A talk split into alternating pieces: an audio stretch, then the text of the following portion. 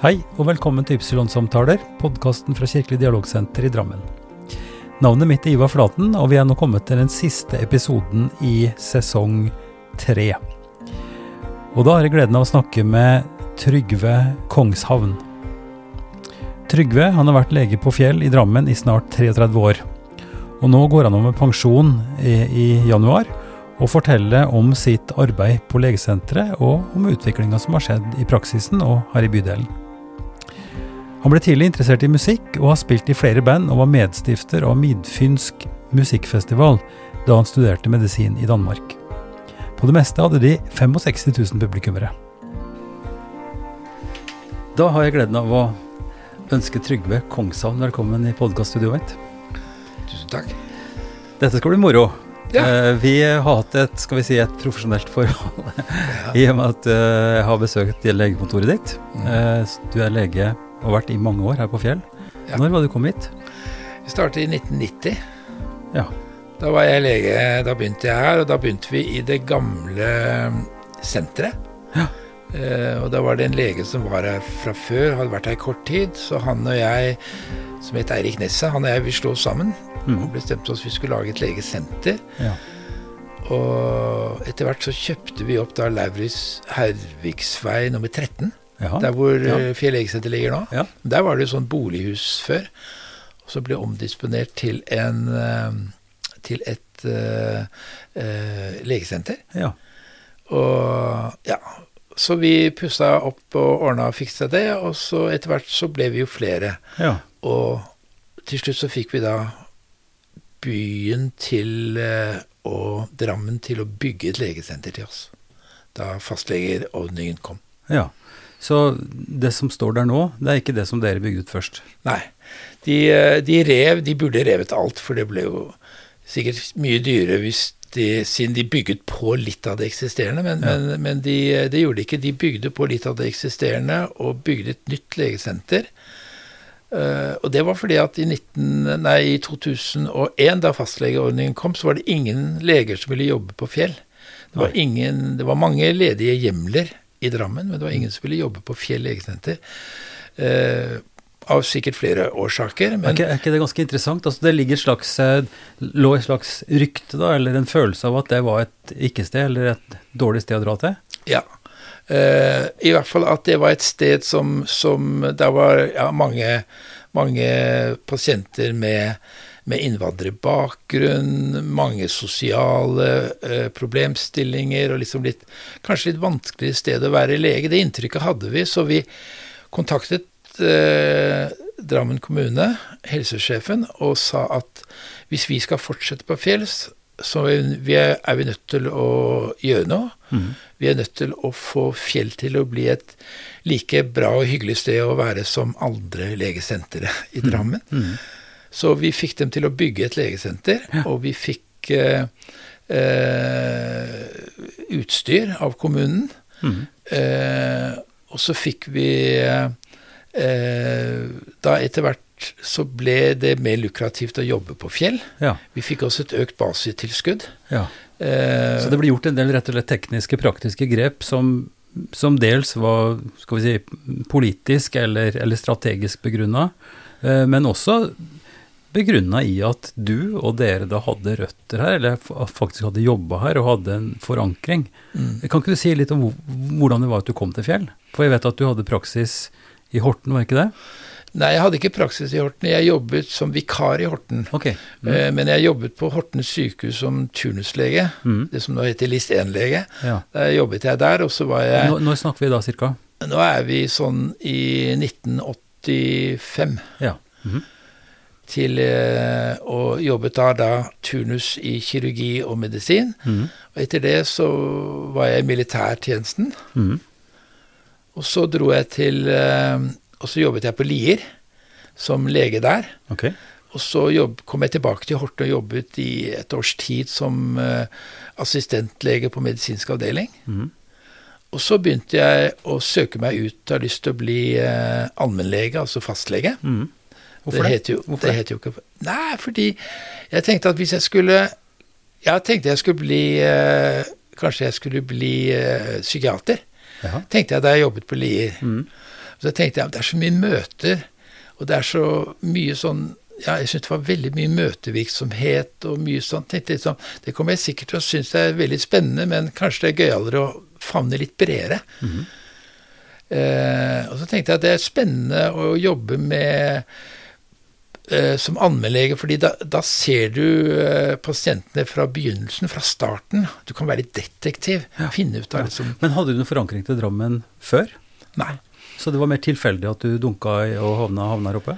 Ja, Den gangen så var det ikke så veldig mange, så, så veldig lett å få en uh, hjemmel.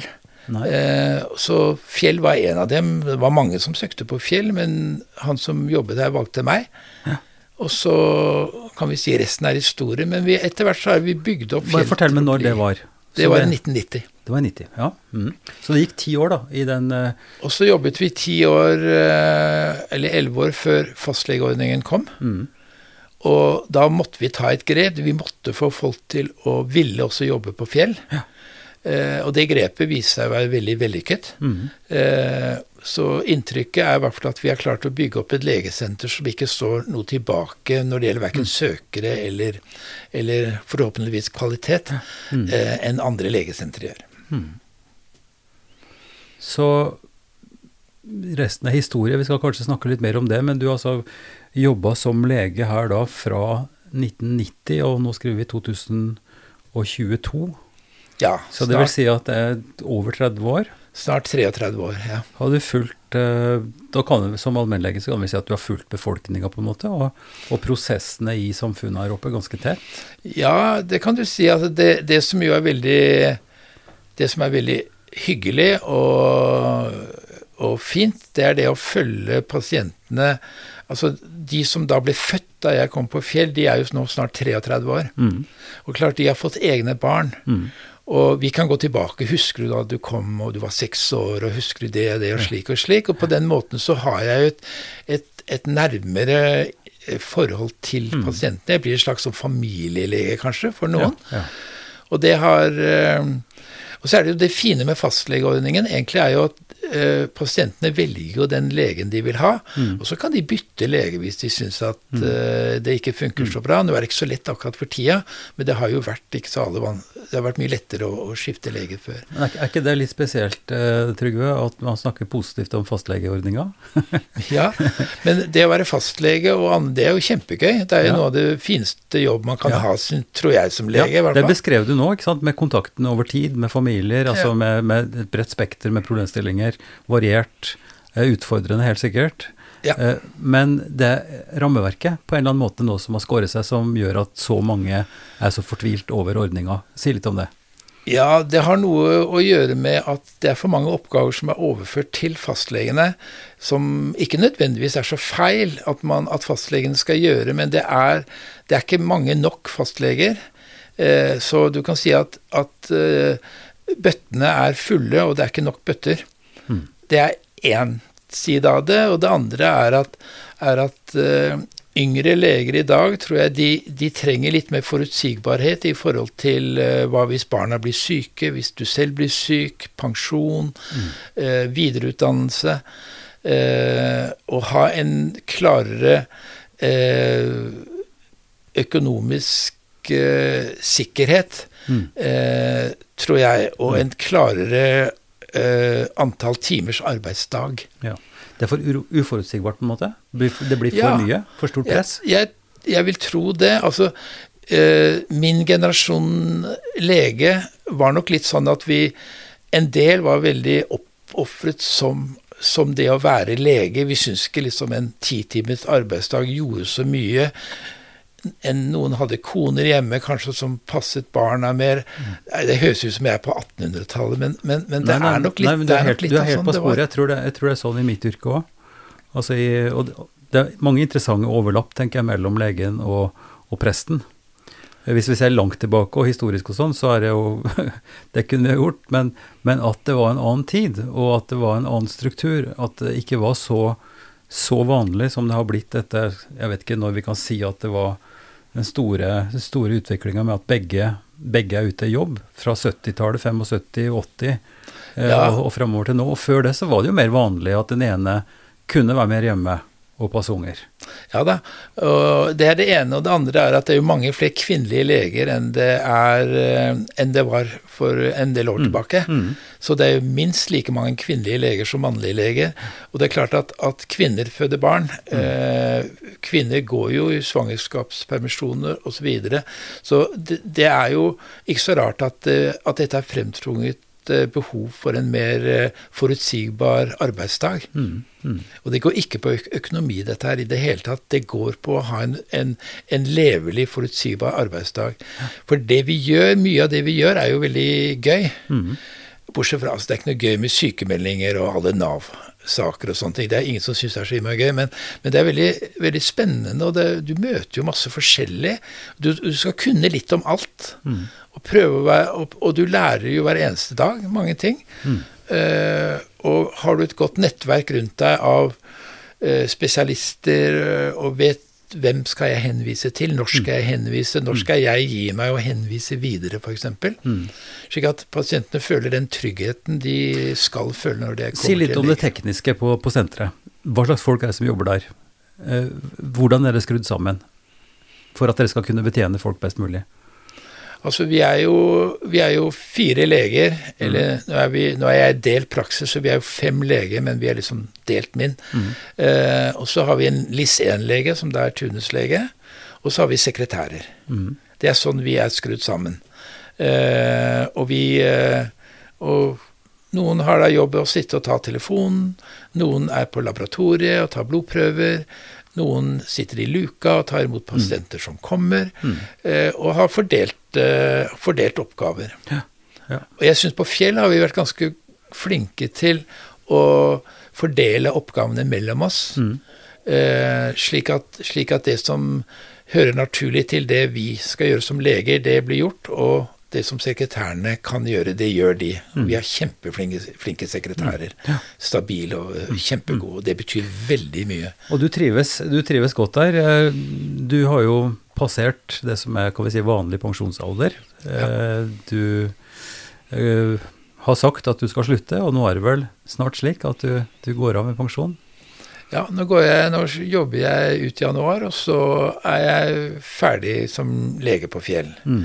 Og det har noe å gjøre med at, at uh, for da fire og et halvt år siden så, så lagde jeg deleliste med en veldig, veldig bra kollega. Mm. Uh, og det betød Og den delelsen, det betyr at vi deler uh, listen Eh, min praksis i to, mm. og jobber der begge to på samme liste. Og så skal jeg senest innen fem år, så, så skal jeg ut. Mm. Det er det ene i det. Det andre i, i det er at jeg, jeg, blir jo 70 til neste år, mm. Eh, og jeg, en eller annen gang må jeg slutte. Mm. Og kona mi er pensjonist. Mm. Og det er noe med øh, man vet jo ikke liksom hvor gammel man blir. Nei. Man vet ikke Det kan godt være jeg blir 100 år, men det kan også godt være at jeg ikke blir så gammel. Men jeg tror at man skal liksom leve litt livet mens man kan. Og jeg har aldri sett frem til å bli pensjonist. Jeg har aldri tenkt liksom å, jeg gleder meg så innmari til å bli pensjonist. Nei. Men det ene jeg gleder meg til, det er at hvis jeg er f.eks. på hytta, mm. Og så sier jeg at vet du hva, nå er det så fint her, nå blir vi en uke til. Mm. Det har jeg aldri kunnet si før. Nei. Det gleder jeg meg til. Ja. Hvis vi spoler helt tilbake, så så jeg Jeg har jo gjort litt undersøkelser, og da så jeg at du fikk lyst til å bli lege du allerede som niåring. Og det var noe helt spesielt som skjedde. Ja, da hadde jeg en stygg brannskade eh, som eh, jeg ble innlagt og lå nesten en måned på Ullevål sykehus. Og så, da jeg var der, så blir du, når du er så barn, så blir du liksom uh, veldig fascinert av sånn sykehus. Du blir liksom vant til å bli pleiet. Og så tenkte jeg, så så jeg disse ga lange gangene mm. hvor folk gikk omkring i sånne hvite kitler. Sånn. Da tenkte jeg, vet du hva. Jeg visste ikke helt liksom, hva jeg skulle bli av det, men jeg tenkte jeg må bli et eller annet med det. Kanskje mm. jeg skulle gjøre det. det. Det, tror jeg var spiren. Så det må jo ha vært en ganske Det er en kvalitetserklæring da, til sykehuset, som klarte å ja. Og, og, ta imot det og behandle det på en sånn måte at du følte deg trygg der, og at du til og med ble inspirert til å skulle være der videre? Jeg husker den barneavdelingen på Ullevål som virkelig At alle følte seg som konger og dronninger og prinser og prinsesser. Jeg, jeg, jeg syns vi ble behandlet kjempefint. Eh, så og der lå jo folk som eh, mennesker, barn, med mange forskjellige plager. Men vi hadde et samhold, vi også, så det ble en lite, et lite samfunn. Det slo, slo meg plutselig, altså kanskje kunne vi ha dulta borti hverandre der. Det, det kunne vi nok kanskje ikke, men, men vår eldste hun ble født med en primum septum eh, altså en hjertefeil med en åpning i hjerteskilleveggen. Og overlege Langslett var han som tok imot oss. Og hun, da som ettåring, begynte å gå i gangene der. Og ble behandla veldig fint da vi var der en periode først, og så ble hun operert som fireåring. Mm. Og har det veldig bra nå. Men, men den følelsen av eh, tenker jeg, både å bli snakka med og, og, bli tatt på alvor, og få den tryggheten som vi som foreldre naturligvis trengte minst like mye som, som eh, dattera vår, det, det er sterkt å tenke tilbake på. Ja, ikke sant. Og den gangen var det jo, var det jo sånn at, at, da var legen legen stor L. ikke sant, Sykepleiersken mm. altså Oppgavene mellom dem var jo veldig sånn annerledes fordelt enn det nok er i dag. Mm. Eh, og jeg syns ikke det bare var på godt. jeg synes nok at, eh, Men for oss som var barn, så så vi jo, ble det i dette en slags, også en slags eventyrverden og en spennende verden. Mm. Når vi ikke hadde vondt og sånn, så, så og følte at vi ble tatt så godt vare på. Eh, så, så, følelsen av å liksom eh, Ja de fikk deg til å føle deg som viktig mm. eh, som barn. Mm. Det husker jeg de syntes jeg var så fint. Mm. Eh, så tenkte jeg, Og så var det, så var det eh, helt rene gulv. Det høres ut som jeg kommer fra sånn skitten gulvsted. og sånn. Jeg kommer fra en veldig bra familie, jeg, men, det, men, men, men liksom, det var så annerledes enn det, det vi, vi, var vant til. Mm. Så jeg tror jeg glorifiserte det en mm. del, og det satt litt i meg at det mm. kunne vært spennende. Ja. Kan du ikke si litt om familien din når du først er på det sporet? Hvor vokste du opp igjen? Jeg er født, jeg er født i Bodø. Ja. Og så er jeg vokst opp uh, i Oslo. Mm. Uh, og min mor kom fra Sultjelma, faren min kom fra Haugesund. Ja. Så det er sånn litt sånn blanda ting. Mm. Uh, og jeg gikk på Bestum skole mm. og på Ullern skole. Ja. Og ja, så, så jeg syns jeg hadde en fin uh, oppvekst mm. i Oslo. Jeg pleier å spørre òg, det er ikke alle som svarer så mye på det, men hva slags, hva slags verdisystem hadde dere hjemme? Var dere var en religiøs familie? Var dere kirkefolk? Hvordan var det med det? Nei, de var uh, Min mor og far, kanskje spesielt min mor, hun var ganske religiøs. Mm. Så jeg husker vi måtte alltid be bordbønn, mm. og vi sang for maten. Mm. Noe jeg alltid har syntes har vært litt rart. Men jeg syns man godt kan synge når man spiser, men, men, men sånn var det hos oss. Mm. Eh, så fra en ganske religiøs familie, ja. Mm. Så eh, var det videregående, og da var det ganske vanlig med band og sånn, og du var musikkinteressert. Det, ja. Ikke så mye synge med maten, men, men, at du likte sang og musikk, er åpenbart. For du startet med band på videregående, gjorde du ikke det? Jo da, jeg startet et, en visegruppe som het Epos. Og det var, det var ganske gøy, fordi vi, vi var i, på Haugesund visfestival. Det var en visfestival i Haugesund da på begynnelsen av 70-tallet. Det var mm. flere. Mm. Og da satt en venn av meg som heter Per Ore Hagen, og jeg, vi satt og spilte gitar, og, og han spilte fløyte. Og så sang vi Jethro Tull-sanger og noen av disse gamle. Ja. Så kom noen og, fra NRK bort til oss og spurte om vi, om vi eh, holdt på å lage et band. Og det jo, hadde vi egentlig ikke tenkt noe over. Men vi sa jo da, det tror jeg vi absolutt har tenkt. Ja, har dere lyst til å lage et halvtimes TV-show? Og så sa vi ja, det, akkurat det har vi hatt kjempelyst til. vi visste liksom Og så tenkte vi vi, jo, vi må jo være mer enn to. Og så fant vi en tredjemann som, eh, som skrev en del tekst og sånn, og så satte eh, vi til noe musikk, og så spilte vi en halvtime på TV. Det høres jo det høres jo ganske eventyraktig ut, da. At NRK ja. kommer liksom og dukker opp på et par fyrer som sitter og klunker, ja. og så skal de lage et TV-program. Det er ikke det er ikke sånn det skjer. Det er ikke Nei. sånn det skjer. Nei, ikke sant? dere måtte kunne- hatt bra, bra, bra groove, da? Det måtte hørtes bra ut? Vi, vi hørtes eh, Jeg vet ikke om vi hørtes bra ut. Vi hørtes i hvert fall sikkert veldig entusiastiske ut. Og Ja. Vi var jo veldig bitt av denne Det å spille viser eller spille, spille sammen, spille musikk sånn som mange var. Så var han jeg spilte Per Ole var jo kjempegod på fløyte. Mm. Og jeg spilte veldig fort på gitar. Om jeg var god, det vet jeg ikke, men jeg spilte veldig fort. Veldig raskt. Og det er kanskje det Du vet, de som ikke spiller gitar, de blir veldig fort imponert når man hører en som spiller gitar, men, Ja, men, ja. men, eh, men eh, Men sånn vis- visesang er jo Altså gitar og elektrisk gitar og rock osv., det er jo én på en måte sjanger hvor du har vreng og det skal være liksom mye det musikalske, men visesang er det jo formidlinga i tekstene, tenker Ja. jeg, som, eh, som gjelder, er det ikke det? ja, ja, tekstene, og for meg alltid en veldig god melodi. Jeg Ja. synes de, som klarer det å lage eh, gode melodier til gode tekster skal tenke, Hvis jeg tenker på Jeg, jeg tenker på f.eks. Uh, Odd Nordstoga, Ja. som Ja, ja. har en sang som heter 'En farfar i livet'. Og hvordan, den, hvordan han begynner Han spiller jo, han er innmari god til å spille instrumenter. Da, Hvordan han begynner på trekkspill, ikke sant? Og, og, og hvordan han liksom, hvordan han lager den, den, sangen der, så tenker jeg hm, det er høy klasse, ja. og det er god tekst, og det er kjempegod melodi. Ja, ja. Og da syns jeg at du har vist den i, på sitt aller beste. Grisen sitter og hyler òg, var det det? Ja, ikke sant.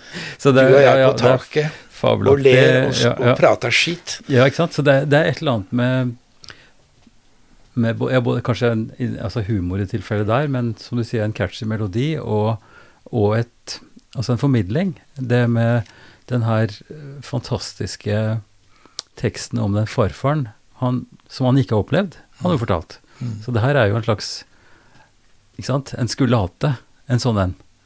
Eh, og nå, eh, for å bli litt personlig, så så uh, mista mor, hun var ble 92 år gammel og mett av dage. Mm. Men uh, dattera mi og et par kusiner, de laga en sang til henne. En farmor. Mm. Mm. På loftet skulle alle ha. Uh, Der de, der de skriver en tekst om henne, da, på den melodien. Uh, ja, altså den har Og den eh, Ja, kor setter den opp med sine egne arrangementer. sånn. Den, har- den, den har fått et, et liv, den sangen der, altså. Ja, absolutt. Hørte en, hørte en uh, korkonsert nå nettopp. Hvor, Ja, de, hvor de det- hadde laga et arr på den. Ja. Men, uh, men uh, la oss forfølge den tråden med musikken, eller kombinert med, med, med medisin, da, fordi du i den alderen omtrent da, så bestemte du deg for at du ville studere medisin. Og så havner du i Odense, eller i hvert fall i Danmark.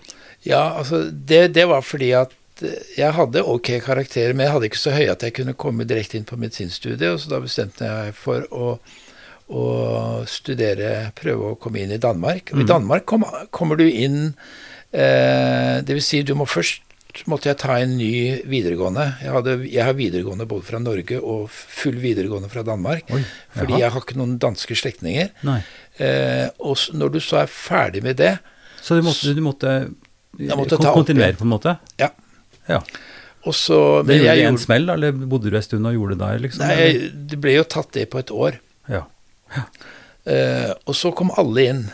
ja. Alle som ville studere medisin, kom inn. Mm. Men så, så strøk de ca. 50% i løpet av det første året. Da måtte du henge med ganske mye for å, ja. for å komme i gang. Mm. Og så, men så starta jeg et band der nede.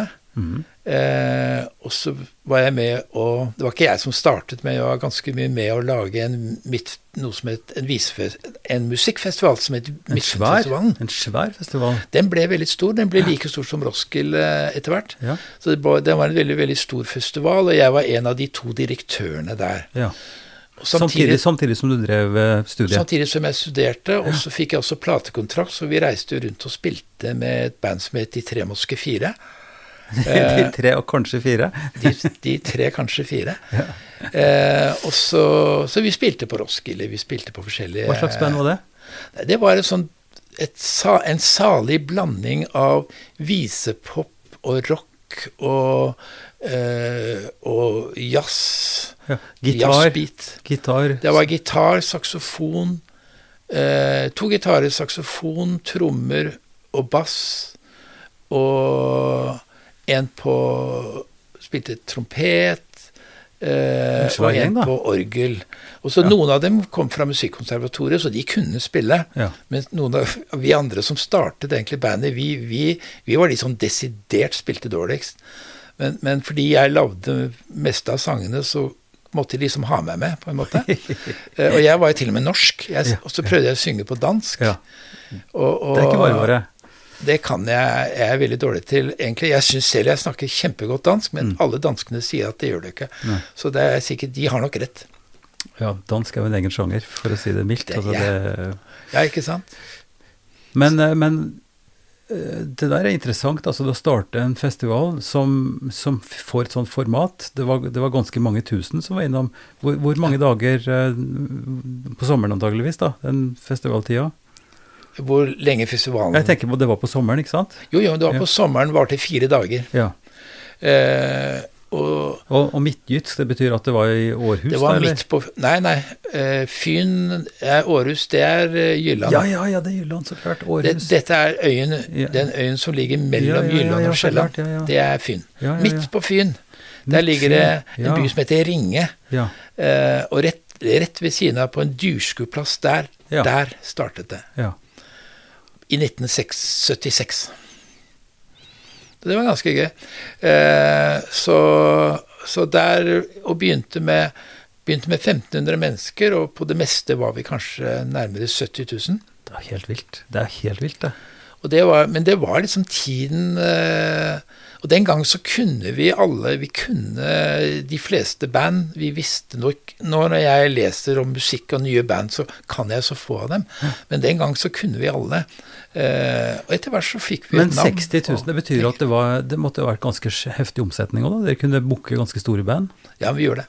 Bob Dylan? Ja, ja, jeg, jeg satte Bob Dylan på. Jeg var, jeg var toastmaster. Jeg var den som satte bandene på. Så jeg satte på Bob Dylan og for eksempel. Uh, og vi Miles? hadde The Kings, for de som husker The Kings. Miles? The Miles Davis hadde vi. Helt Eh, utrolig. så det var litt som BB King Ja. hadde vi. Ja. Mm. Så veldig, veldig mange store band ha, ha, spilte Og dere der. fikk det til å gå rundt? Folk betalte og Ja da, og det gikk, eh, det gikk rundt. Det Men i tillegg til studier og sånn, det der var jo en sånn helårs Jeg vet jo litt om festivaljobbing, sjøl om vårt format er mye mindre. Men Ja da, men jobben min mens jeg var i Danmark, det var å booke, Ja. være med og, og, og booke musikk til det. Ja. Blant annet, og det var kjempegøy, fordi du kunne liksom sitte og høre en eller annen band, eksempel, jeg vet ikke om du hørte om noen som heter Messo Forte. mm, Å ja, ja. Eh, og Ja, ja. jeg hørte Messo Forte på radioen en høst. Og de var helt totalt ukjente.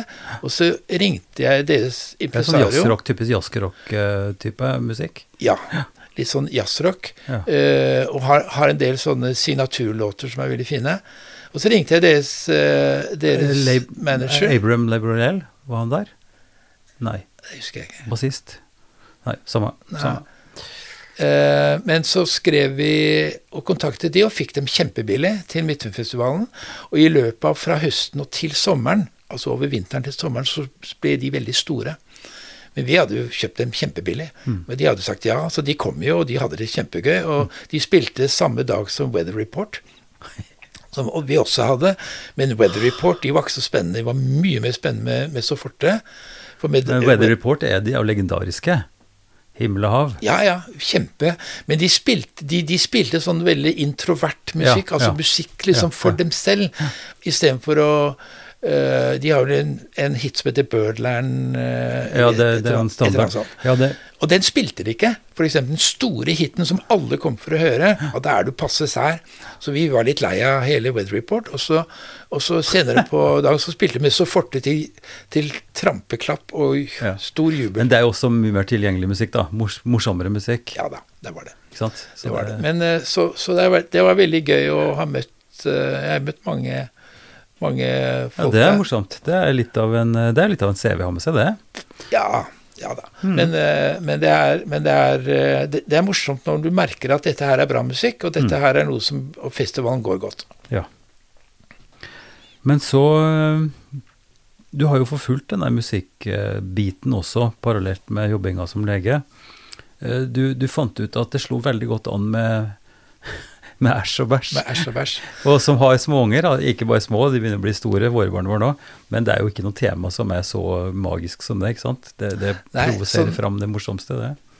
Og den, den his, historien bak Æsj, bæsj, promp og fis, da, som sangen het, eh, het Som nå har strømma fire mil, eller sånt da, på Spotify? Ja, nesten fem. Nå skal jeg ikke liksom øke det, men den, den, er ganske, den, er ganske, mye streama. og Fortsatt forstår jeg ikke helt, for det er en sang jeg lagde, den tok veldig kort tid å lage. Ja. Men det var fordi jeg har et barnebarn, han ble født i 2010. Mm. Nå er han tolv år gammel, men da mm. han var tre år, mm. så kom han og sa hei, eh, morfar, vet du hva jeg har hørt i barnehagen i dag. Nei, hva har du hørt for noe? Jeg har hørt en kjempefin ny sang.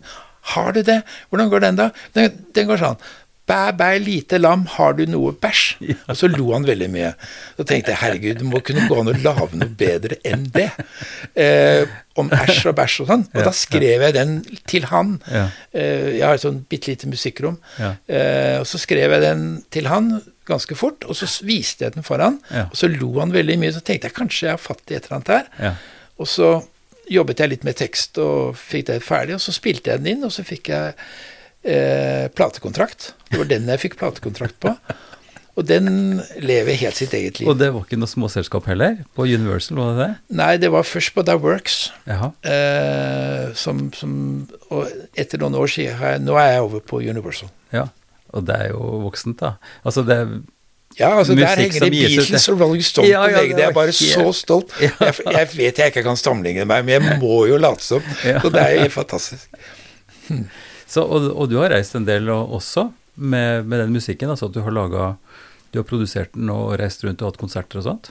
Ja, altså det er, det er sønnen min som har produsert uh, ja, det okay. meste. Mm. Uh, unntagen de aller siste. Der er det en som heter Even Ormestad, som spiller bass i a-ha ja. som har vært produsent. Men det er Thomas, sønnen min og jeg, det, mm. vi har jobbet sammen. Mm. Og jeg har kommet med da idé og tekst og sånn, og så har vi jobbet sammen frem dette her. Og ja. han har gjort en kjempejobb ja. uh, for, å få, for, å få, dette til. Og så har jeg vært litt rundt og spilt. Ikke så mye i det siste. Nei. Korona har jo stoppet veldig mye. Og så er jeg sikkert litt for, litt for, dyr. Jeg har veldig gode musikere med meg, og de, de, de spiller ikke gratis. Nei. Og jeg må ha gode musikere med for at dette skal lyde fint. Ja. Så det kommer nok sånn Det kommer sikkert litt etter hvert. Men jeg har vært en del rundt og spilt, og det er veldig gøy for barn. Men barna kommer gjerne bort og spør når skal du spille Æsj, Det er det de gjør. Det er det de venter på. Så jeg håper jeg har litt andre ting òg. Ja. Men uh, gjennom sønnen din da, så har du også kontakt med, med et megaband her i Norge, har jeg sett. Altså Karpe. Det er, vel, det er vel knapt noen som er større enn Karpe her nå? Nei, altså Sønnen min har jo vært både heldig og, og, og, dyktig, og jobber jo masse med Karpe. Han er jo musikalsk leder og leder bandet deres. Han er mm. med å skrive musikken. Mm. Eh, ikke tekstene, det er det jo de to gutta som gjør. Mm. Men de har jo hatt en eventyrlig uh, ferd gjennom sitt musikalske liv, og særlig siste året med ti konserter i ja. Spektrum. Og nå skal de til Europa til neste år. En hel måned. og og rigga seg til Skien med et eget svært hus. Og kjøper et hus. Og de har masse visjoner. Og det gøyale med Karpe er at de jobber hele tiden med noen nye ting. Ja. Nye prosjekter. Det er det som driver dem, tror jeg. Uh, og jeg er kjempeimponert, og selvfølgelig superstolt av Thomas. Ja, ja, Men gjennom Thomas så får jeg tilgang uh, på veldig gode musikere. Eh, ikke sant? Og det, og det, er liksom Og det gjør at det er gøy å spille inn, og, og da blir det fint. Mm. Og så er det jo en interessant så, Hvis en tar liksom en stor sløyfe nå, da, og sier at Karpe og de tekstene de har, og den erfaringa de har eh, i sin oppvekst, og hele den ganske sterke skal vi si, både historien og erfaringa av å være norske med innvandrerbakgrunn, og hvordan de behandler det og skriver om det og fremfører det og lever det ut, på en måte, mm, mm. Eh, har jo også en viss overlapp til, til ditt virke vil jeg kunne si. ikke sant? Her med, med den eh, erfaringa av folk som kommer fra veldig forskjellige kår og, og forskjellig mm. bakgrunn, med forskjellig tankesett, forskjellig erfaring. ja, absolutt både sosialt, økonomisk og eh, Nå heter det jo personer med innvandrerbakgrunn. Mm. Eh, og det Erfaringen min er at det er Du må være nysgjerrig, og det er veldig spennende Og du har masse å lære. Eh, jeg tenker på hvordan, hvordan mange kulturer, annerledes enn norske kulturen, behandler eldre med mye mer respekt. Mm. Eh, hvordan de, de, har noen verdier som er, som er, veldig Som vi kan lære masse av. Mm. Eh, veldig høflige, eh, veldig mange. Og jeg syns Jeg kan ikke si alle, det er selvfølgelig ikke alle, men jeg syns veldig veldig mange av de jeg har møtt både av uh, mennesker her på Fjell, de er kjempehyggelige. Mm. Og folk er egentlig i det store og det hele ganske like, syns jeg, i forhold til det med at de, folk er redde hvis de feiler noe. De lurer på hva er det for noen ting, mm. selvfølgelig. Mm. Uh, og jobben vår som uh, leger i den sammenhengen må jo bare prøve å finne ut hva, hva, det er, og prøve å gi en god forklaringsmodell, slik at man kan mestre de plagene. Mm. Ja.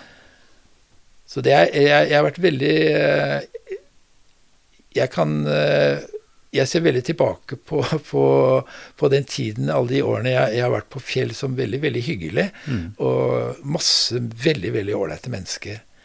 Vil, vil, du si at eh, vi var så vidt inne på det, men vil du si at det har vært noe endring på de noen og 30 åra du har vært her? Altså, Ser du noen, noen, tendenser eller sånt? Nå, vi har jo hatt en, skal vi si, en økning og en, altså en, en annen type skal vi si, innvandring fra arbeidsinnvandringa midt på 70-tallet og ja, fra Tyrkia og Pakistan og over til mer flyktningspørsmål, asylsøkere og, og nå Ukraina. Mm. Så, det, så, det, er jo dramatiske endringer i det internasjonale som har ført til at, at vi, som mange andre, og kanskje spesielt Oslo, da, men Oslo og Drammen, fått, fått en mm. stor innvandrerbefolkning. Eh, når du ser tilbake, gi gir det noe mening å si at det har vært noe utvikling, er, er faser i den tida du har sett og jobba? Man, man treffer jo Jeg syns det som uh, har vært utvikling, er at uh, den unge det, det, som var en ung uh, innvandrerbefolkning, er blitt eldre. Mm. med de ting som følger med det å bli eldre. Mm. Det tror jeg er det ene. Det andre er at du ser ikke så ofte analfabeter. folk som har veldig lite utdannelse. De blir færre og færre av de, for veldig mange er jo, har jo gå i skole her i Norge. Det blir en yngre mm. eh, og mer utdannet eh, mm. del av befolkningen, noe som er kjempeviktig. Mm. Eh, og så synes, Det er liksom på én side. På den annen side så syns jeg også at så også Fjell stått litt stille. Okay. Eh, mm. fordi jeg, fordi jeg syns at, at, det er ikke alt som er eh, eh, Det er ikke alltid det er så lett å se så mye som fremgang. Jeg synes en del av de eh, som er unge går over i voksentilværelsen, og da blir de litt mer religiøse. De bruker mm. mer hodeplagg. De, de, ja, det merker jeg. Og, mm. og, det har jeg jo sett mange ganger også. Å ja, nå, nå, de, nå har de forandret seg litt. Og, og har blitt liksom uh, litt annerledes. Ikke nødvendigvis noe negativt, mm. men, men, men, uh, men uh, de de følger jo sin religion, mange av disse. Mange følger både ramadan, mm. og de uh, følger høytiden. Eh, og, med, og, skal selvfølgelig møtes med like stor respekt som mm. mm. man møter hvem som helst. Mm. Men det har vel også sammenheng med at, at det skjer ting igjen, da. En ser jo at etter Twin Towers og, og bombinga der, med, med, den følelsen av eh, en mer bevissthet på islam som en slags trussel. Tidligere så snakka han om pakistanere, eller norskpakistanere, norsktyrkere. Eh, karakteriserte det mer i, i nasjon, nasjonstilhørighet, mm. mens en nå i en, i, til en større grad, da, tenker jeg fra, fra begynnelsen på 2000-tallet og utover, har blitt mer at den har blitt stempla, stempla, men benevnt som religiøs, altså tilknytta islam. At den har vært muslim først, og så ikke sant, og så har han vært tyrker eller pakistaner. På en eller annen måte, og at det har vært en, en, bevisstgjøring eller en eh, Kanskje også en tilbaketrekking som har gjort at en har søkt mer inn til og, og blitt tilsynelatende mer, mer religiøs. da. Min, en av mine teser er jo at, eh, at folk flest er ganske like. Altså det at en majoritet i Norge tilhører Den norske kirke, betyr jo ikke at de Det vet jo alt om. De, de, de flyr jo ikke ned eh, kirke kirketerskelen. Vi har ikke, vi har ikke så mange til gudstjeneste som vi har medlemmer. Og jeg tenker også for, for de som er tilhørende til, til islam, og som, som, praktiserer kanskje ramadan til en viss grad, og i hvert fall id osv., at de ikke er nødvendigvis sånn superreligiøse, men de har sin, sin tilhørighet som på en eller annen måte knytter det til, til religion, og som de respekterer av forskjellige grunner. Mm. Sånn at vi er ganske like der, men de ytre signalene har også med politiske eh, og altså, globale tendenser å gjøre. Ja, og politiske omveltninger eh, det, det, det, ser jeg absolutt. Mange av disse eh, som, som eh, Jeg tror det er veldig få eh, sånne ekstreme eh, muslimer. De, de, er et myndighet de er veldig få. Det er veldig sjelden jeg har truffet noen som gir uttrykk for veldig sånne meninger. Men det er ikke akkurat det vi snakker om på legekontoret.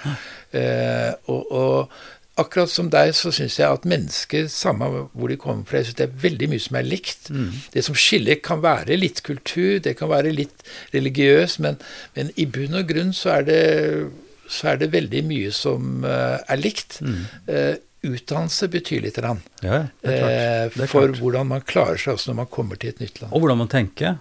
Og hvordan du tenker, ja.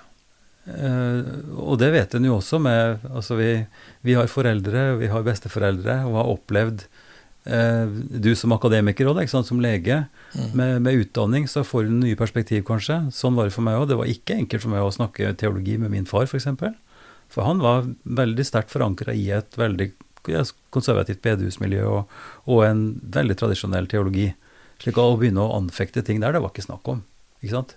Eh, og, og, og, de forskjellene som har med ja, En ting er fars sønn-forhold og respekt osv., mm. men at det nå har en forsiktighet, kanskje, også i, i familier, uansett hva slags tradisjon en kommer fra, for ja. å respektere verdiene, sjøl om en ikke nødvendigvis er veldig religiøs eller veldig sterkt personlig engasjert i, i, i religion, at man lever i det og respekterer det ja, mer som en tradisjon, på samme måte som folk døper ungene sine. Ikke sant? Eh, ikke nødvendigvis fordi at de er kjempeopptatt av teologien i det, men det gjør vi. Det er sånn vi gjør det i vår sammenheng. Og så har det skjedd veldig veldig mye både mellom kjønn og mellom kulturer. altså jeg på generasjonene. Tenk hvor mm. stor mm. forskjell det var på mine foreldres generasjon og mm. oss. Ja, ja. Mm. Eh, og i min oppvekst så var jo det viktigste liksom for veldig mange foreldre var at du ikke hadde langt hår.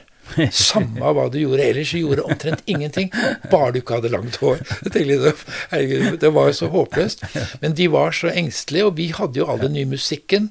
Vi hadde de ting som, som de syntes jo var kjempeskummelt. Og også mer så kom narkotika, så mm. kom en, en hel del ting. Så jeg kan godt forstå de var engstelige eh, og syntes det var veldig rart. Mm. Kløften mellom eh, foreldre og barn i dag er mye mindre. Ja, det tror jeg nok kanskje du har eh, rett i. Samtidig så, så, vil også den doble kulturelle tilhørigheten, som mange har her i vårt område, åpenbart måtte være et, en problemstilling.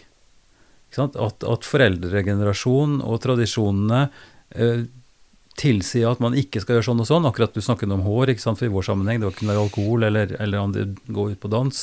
Mm. Det kunne være feil. Men at den, den doble tilhørigheten gjør også at det kan være ganske krevende å vokse opp med en dobbel skal vi si, kulturell tilhørighet. da. Både være vokst opp i Norge, født i Norge, vokst opp i Norge med norske venner og, og ja, det hele, mens foreldra mm. har en tydeligere forventning til at man respekterer de de verdiene. Hvor, I hvor stor grad hadde, det vært problemstillinger som du har møtt i din praksis? Nei, men Det, det syns jeg vi møter veldig mye. For det, det, de skal Mange barn som lever i en sånn dobbeltrolle at én ting er når de er ute på skolen og når de er ute blant venner, en annen ting hva som forventes når de, når de kommer hjem. Mm. Eh, og det må være veldig, veldig slitsomt, eh, egentlig. Eh, at, at, det kan være en del mer konservative verdier som forventes. Og jo eldre de blir, jo mer forventes det at man skal gjøre slik og slik. Mm. Eh, ekteskap, f.eks.? Jeg altså... syns ekteskap og disse tvangsekteskapene som jeg har vært hatt eh, noen pasienter som har, har, vært utsatt for, og det er jo forferdelig trist. Eh, og man kan kalle det kultur, man kan kalle det veldig mange ting, men det, du ser jo ikke lykkelig Du blir ikke lykkelig. Det, er ingen god slutt. Eh, en god ende på et tvangsekteskap som regel. Mm. Så det, det, er, det, er, Og det er noe som har vært veldig vanskelig å forstå, fordi at liksom, man må jo få lov å velge den man vil ha. Og så Samtidig må man også, for å kunne jobbe med et sånt som tvangsselskap, så må du forstå litt av kulturen. hvordan mm. kulturen, Hvorfor er det slik? Mm. Uh, dette er jo ikke noe man har funnet på der, dette er jo en lang tradisjon. At man pleier å gjøre slik og slik. Mm. Nei, Jeg har jo hatt uh, gjester her i, i podkasten òg som, uh, som, har følt det på kroppen. Altså mm. ikke, ikke, tvang i en brutal forstand, men altså med sterke, sterke føringer fra foreldre som, som vil ha en tydelig hånd på rattet i, i valg av ektefelle. Ja. Og at det også har gått bra. Altså, så det, det, er jo, det, er jo, det, er jo, begge deler her. Og det er også kan vi si det forsiktig, ganske mange eksempler på at selv om en velger sin ektefelle, så er det ikke alltid at det går så veldig bra uh, med de skilsmisseprosentene vi har osv. Så videre. så Nei, det, det bør ikke gå bra selv om man har valgt det selv heller. Nei. Det er helt sikkert. så, så, så men, men jeg har lyst til at du kan, hvis du har mulighet til å si litt om det uh, Det er jo noen av de som jeg snakka med her også, som har opplevd sin rolle som barn i familien ganske vanskelig fordi at de måtte være tolker.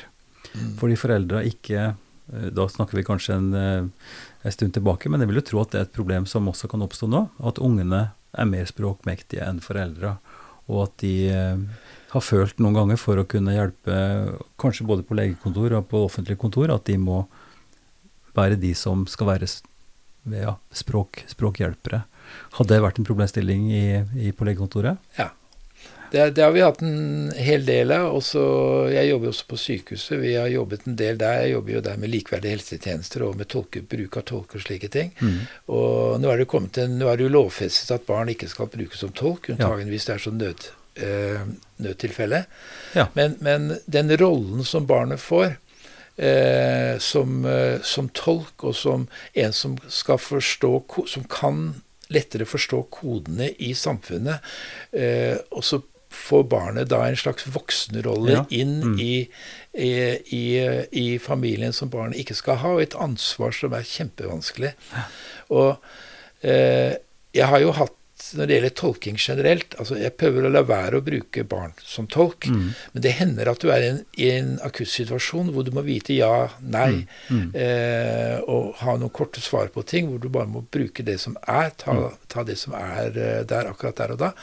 Men, men, ellers så har jeg pleid å Vi har jo ganske mye tolking på Fjell. Mm. Og noen ganger så har folk da kommet og sagt at ja, men jeg vil gjerne at kona mi tolker, eller at jeg vil ha med en tolk.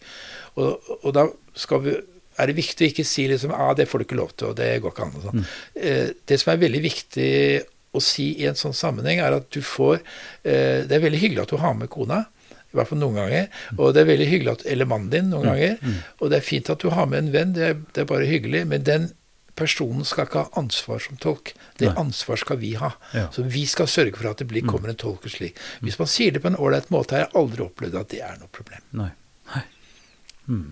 Men det med barna er, kan veldig lett uh, Kunne lett bli slik at ja, men da bruker vi barna. Det går så greit og sånne mm. ting. Og det, det, det, er å ta fra barnet den, den, rollen som et barn skal få lov å ha, få lov å være barn. Mm. Jeg tror nok det er mange i det er mange her som har den erfaringa fra oppveksten sin, at de måtte ha hatt et sånt ansvar av nødvendighet, rett og slett. For ja. å forstå hva som står i brev, eller, eller, ja, rett og slett hjelpe til at ting skal kunne fungere. Sånn at det er jo noe som en gjerne gjør, men, men jeg kan forstå at det er en vanskelig dobbeltrolle. Eh, når de voksne ikke da, i den forstand er voksne, men må bruke ungene sine som mellommenn. Ja, så, så det er én ting. Det blir jo lettere etter hvert som man kan mer norsk, mm. har mer utdannelse mm. eh, og kan forstå Brevene fra offentlig kan være vanskelig nok å forstå om du er norsk. Mm. Eh, så det er, det er, en eh, side ved seg selv. Men, det er, men det, er, det er, utrolig viktig. Men så har det også kommet noen bra verktøy. Altså, Det kommer sånne oversettelsesverktøy du kan bruke hvor du snakker inn i en telefon, ja. og så får du mm. oversatt det, det mm. som sies. Og på sykehus nå jobber du jo med det. Ja. med når de ikke får fatt i en tolk, så, har de sånne, så lager de fraser. Mm. Det er spesielt verktøy som man bruker. De lager fraser eh, for å spørre eh, For å gi beskjed om f.eks.: Kan du komme i morgen klokka ni? Eller mm. et eller annet sånt. ting. Mm. Husk å ta den og den medisin. Et eller annet sånt hvis man ikke har en tolk tilgjengelig. Mm. Og det, jeg tror det at der er datateknikk og, og, utvikling av data kommet uh, Det er bra. Det går, det det går veldig, veldig fort. Jeg, så nå det har kommet en sånn, en sånn AI, en chatbot som det heter, automatisk eh, kunstig intelligens, som er tilgjengelig for hvem som helst, og du kan bare spørre om et eller annet. Mm. Så, jeg ba ham om å skrive et essay om dialog. Og bom, så, så, kom det et meget bra essay om, om dialog. Fantastisk. Eh, men så spurte jeg om, eh, om, du kan skrive litt om Fjell kirke. Og da kom det bare noe vas. Ja, Klarte ikke å Beskrevet som en helt annen kirke med helt andre data. Og, og, det er nok den store forskjellen. Altså har du sånne klare fraser som, som ikke er snakk om å på en måte kunnskapsorientering, der du, der du bruker bare oversettelsesfunksjonen. Mm. Og der er det kommet fabelaktige verktøy. Rett og slett nå, når jeg laga med, som jeg nevnte for deg før vi starta her, den, den hjemmesida, så finnes det nå altså en, en, funksjon der du kan, kan, velge språk, og så bare mm. Så står det plutselig på gresk. Eller på dansk, eller på svensk, finsk. Det, det, det, som er skrevet på norsk. Ikke sant? Det er sånn som FHI har gjort, altså uh, Folkehelseinstituttet, uh, diabetessidene, mm, veldig mm, mange sider, mm. Helsedirektoratet osv. er det jo oversatt til veldig mange språk. Nå holder vi på å lage en men, men, ikke sant? Men da er det, Og det kan jeg forstå, altså da er det skrevet, da har du fått en tolk til å skrive det på finsk, eller på dansk, eller på urdu. Ikke sant? Ja, sånn at det er lagt ja. inn. Så det, men ja. dette verktøyet her går ut fra det norske språket og bare oversetter det direkte. Der og da, hvis mens du, du ser på det. Altså du bare velger fra en meny. Finsk. Poff, så står alt på finsk. Ja. Som du har skrevet inn på norsk. Altså sånne, sånne verktøy, da blir det mer og mer, og de blir bedre og bedre. Det er helt utrolig. Det er, det, er, det, er, det er, kjempeviktig, og det, kommer jo mer og mer informasjon også ut om uh, uh, På veldig mange forskjellige språk. Mm. Og det, var det jeg prøvde å Jeg skulle bare komme inn og si mm. at på sykehuset har vi jobbet med film om faste, altså ja. hvordan du skal gjøre før du skal innlegges på sykehus til en operasjon, f.eks. Mm. Hva, hva betyr det å faste? At mm. du ikke skal spise, drikke, bla, bla, bla, så og så mange timer før du skal gjøre slik og slik, slik at operasjonen eller undersøkelsen slipper å bli utsatt. Mm. Og det må vi da lage på en måte med animering, og skal ja. snakkes inn på mange forskjellige språk. Ja. Sånne ting. Og den kommer til å ligge på Helse-Norge. Mm. Uh, og hva er det en film Norge kommer til å bruke om det? Ja. Det har vi holdt med ta i 100 år, men det, det begynner ja. å nærme seg slutt. Ja. ja og, det, og, det, fascinerende da med, med disse nye verktøyene, at de er dynamiske. Mm. Uh, og at de har språkgeneratorer og oversettelsessystemer som er så syntaktisk korrekte, og, og som fungerer på sånn måte at du, at du har da, når du uttrykker deg godt på ditt eget språk, så vil den motoren, da, eller den AI-en, kunne levere det på et annet språk. Men det er klart, kvalitetskontrollen må du ha. Og, og ja, og så er det ikke bare, det er ikke bare å oversette linje for linje. Nei, du, må, du, må, liksom forstå hvordan, ja. hvordan skal dette sies ja, for at ja. man forstår det. Mm, det er ikke sikkert det, er det, det, fra, det er frasene og, og forståelsen språklig. Da. Det, er masse der. Ja, det er klart det er helt vi er, vi er, Men vi er inne, og det er vel noe som har karakterisert den perioden du har jobba, og som vi har jobba begge to, at det har vært en ekstrem teknologisk utvikling. Det er helt enormt. Vi, jo, vi startet jo på Fjell i 1990. Begynte vi med, med data eh, sånn EPJ, altså elektrodisk pasientjournal. Mm. Vi begynte da så vidt med det. og Fastlegene, eller altså allmennlegene, var de første som begynte med det i Norge. Mm. Før så hadde du papirjournaler hvor du mm. hentet, og det var kjempeskummelt å liksom skulle plutselig bare se alt på en skjerm. Mm. Så det har vært en enorm utvikling. Ja. Uh, og det er, det er, ikke så lett å henge med. Og det er ikke så lett å være eldre og henge med på uh, å skulle betale alle regninger på, på, på sånn uh, Nei, du må på nettbank og, og, og, automater og, sånn. Ja. Inn, inn sånt. Men, men, når man har knekket den koden, mm. så, så, går jo det veldig bra. Så ser du, så ser du yngre barn i dag. Eh, mine barnebarn, f.eks., som er fra syv år oppover. Altså, de altså, hva de kan av sånne brett og mm. hvordan de liksom Og når noe går feil, så er det ikke sånn 'Mamma!' Det er sånn der OK og så har de ordna etter alt. ikke sant? Ja. Og de spurt om etter at sånne, sånne ting kan de. Ja. Uh, og det, det, er en utvikling som er både uh, skummel, mm. uh, fordi det, jeg syns det, og samtidig så er den utrolig nyttig og kan brukes. Ja. Hvis den blir brukt riktig, veldig bra. Ja, ikke sant? og det er en, jeg er helt enig, og det er fabelaktig fascinerende og, og, og veldig, veldig effektivt. og og nødvendig, men så er det også en utrolig stor sårbarhet. Eh, som jeg nå merker nå når vi er i konflikttider og med krig osv., hvor, hvor nettangrep og cyberkrig på en måte, og feilinformasjon og, og falske identiteter og, og, og, til og med video, ikke sant, som er så godt laga at du kan si du kan si hva du vil, og så kan det uttrykkes av en eller annen person som ikke sier det, men som tilsynelatende altså osv. osv. Ja, så det, det er veldig kort vei fra, fra hvor ting skjer, til ja. hvor det blir tatt imot, på, på, godt og vondt. Og så er det fortsatt veldig mye voldelige spill, skytespill, mm, mm. hvor det, hvor det sånn om krig og alt mulig mm. sånn. Det ser jeg mine barnebarn også, også spiller. Og jeg håper liksom at uh, at, at uh, Men de, de, spiller også andre ting, hvor de ja, bygger ja, ting. Spiller mot, mot hverandre. Uh, har jo, vi har jo litt krig siden indianere og cowboyer, og ja, vi har jo holdt på med det, ja, det, vi har gjort det. I, alle, har, i alle tider.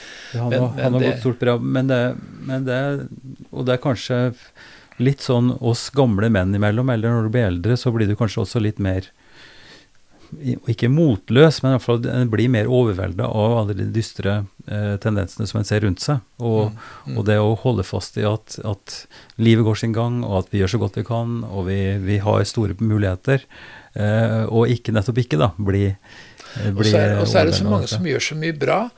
Eh, forskjellige steder. Tenk på her på Fjell, mange frivillige, hva, hva folk har gjort. Mm.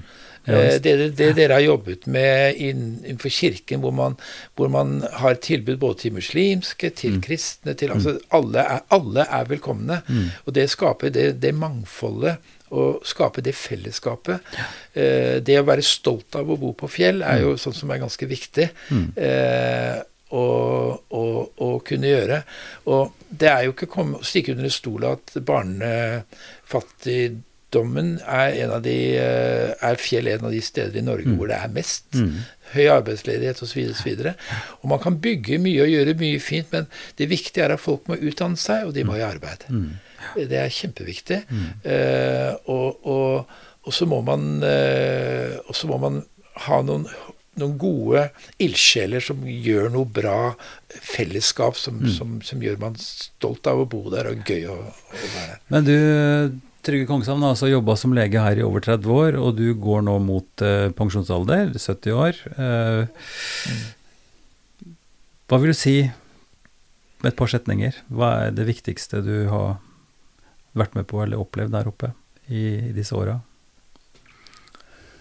Jeg syns det viktigste jeg har opplevd her oppe, er eh, to ting. Mm -hmm. Det ene er å vært med å få Fjell legesenter til, å bli et legesenter hvor eh, en del søkere søker seg til når det er ledige mm. hjemler. Mm. For det er et tegn på at, at det har en kvalitet. Mm. Vært med å prøve å lage en, en, en god kvalitativ helsetjeneste her oppe. Mm. Og det, det, er det ene. Det syns jeg har vært fint, og det er jeg litt stolt av. Mm. Og det andre er at uh, har fått anledning til å treffe så mange forskjellige typer mennesker fra forskjellige kulturer og forskjellige eh, fra forskjellige land, og, jeg, og som, som, har beriket meg mye og har gjort kanskje at jeg, jeg har blitt et, et mer mangfoldig og, og, forhåpentligvis litt klokere menneske. Da er timen vår over. Eh, det har vært en stor fornøyelse å få snakke med deg denne timen. Så takk for eh, takk for det, og lykke til med å, å venne deg til eh, en, ny, en, ny, livsfase. Det er ganske spennende å skulle være pensjonist, få tid til kanskje mer musikk. Få litt mer romslighet til å gjøre det du har lyst til. Så takk for alt det du har gjort, og lykke til videre. Ja, tusen takk. Takk for at jeg kom. Det var den siste episoden i sesong tre. Vi har nå produsert eh, til sammen 131 vanlige episoder, pluss en hel del ekstra bonusepisoder, og du finner alt på ypsilonsamtale.no. Jeg har også oppretta en ny nettside, www.ifd.no,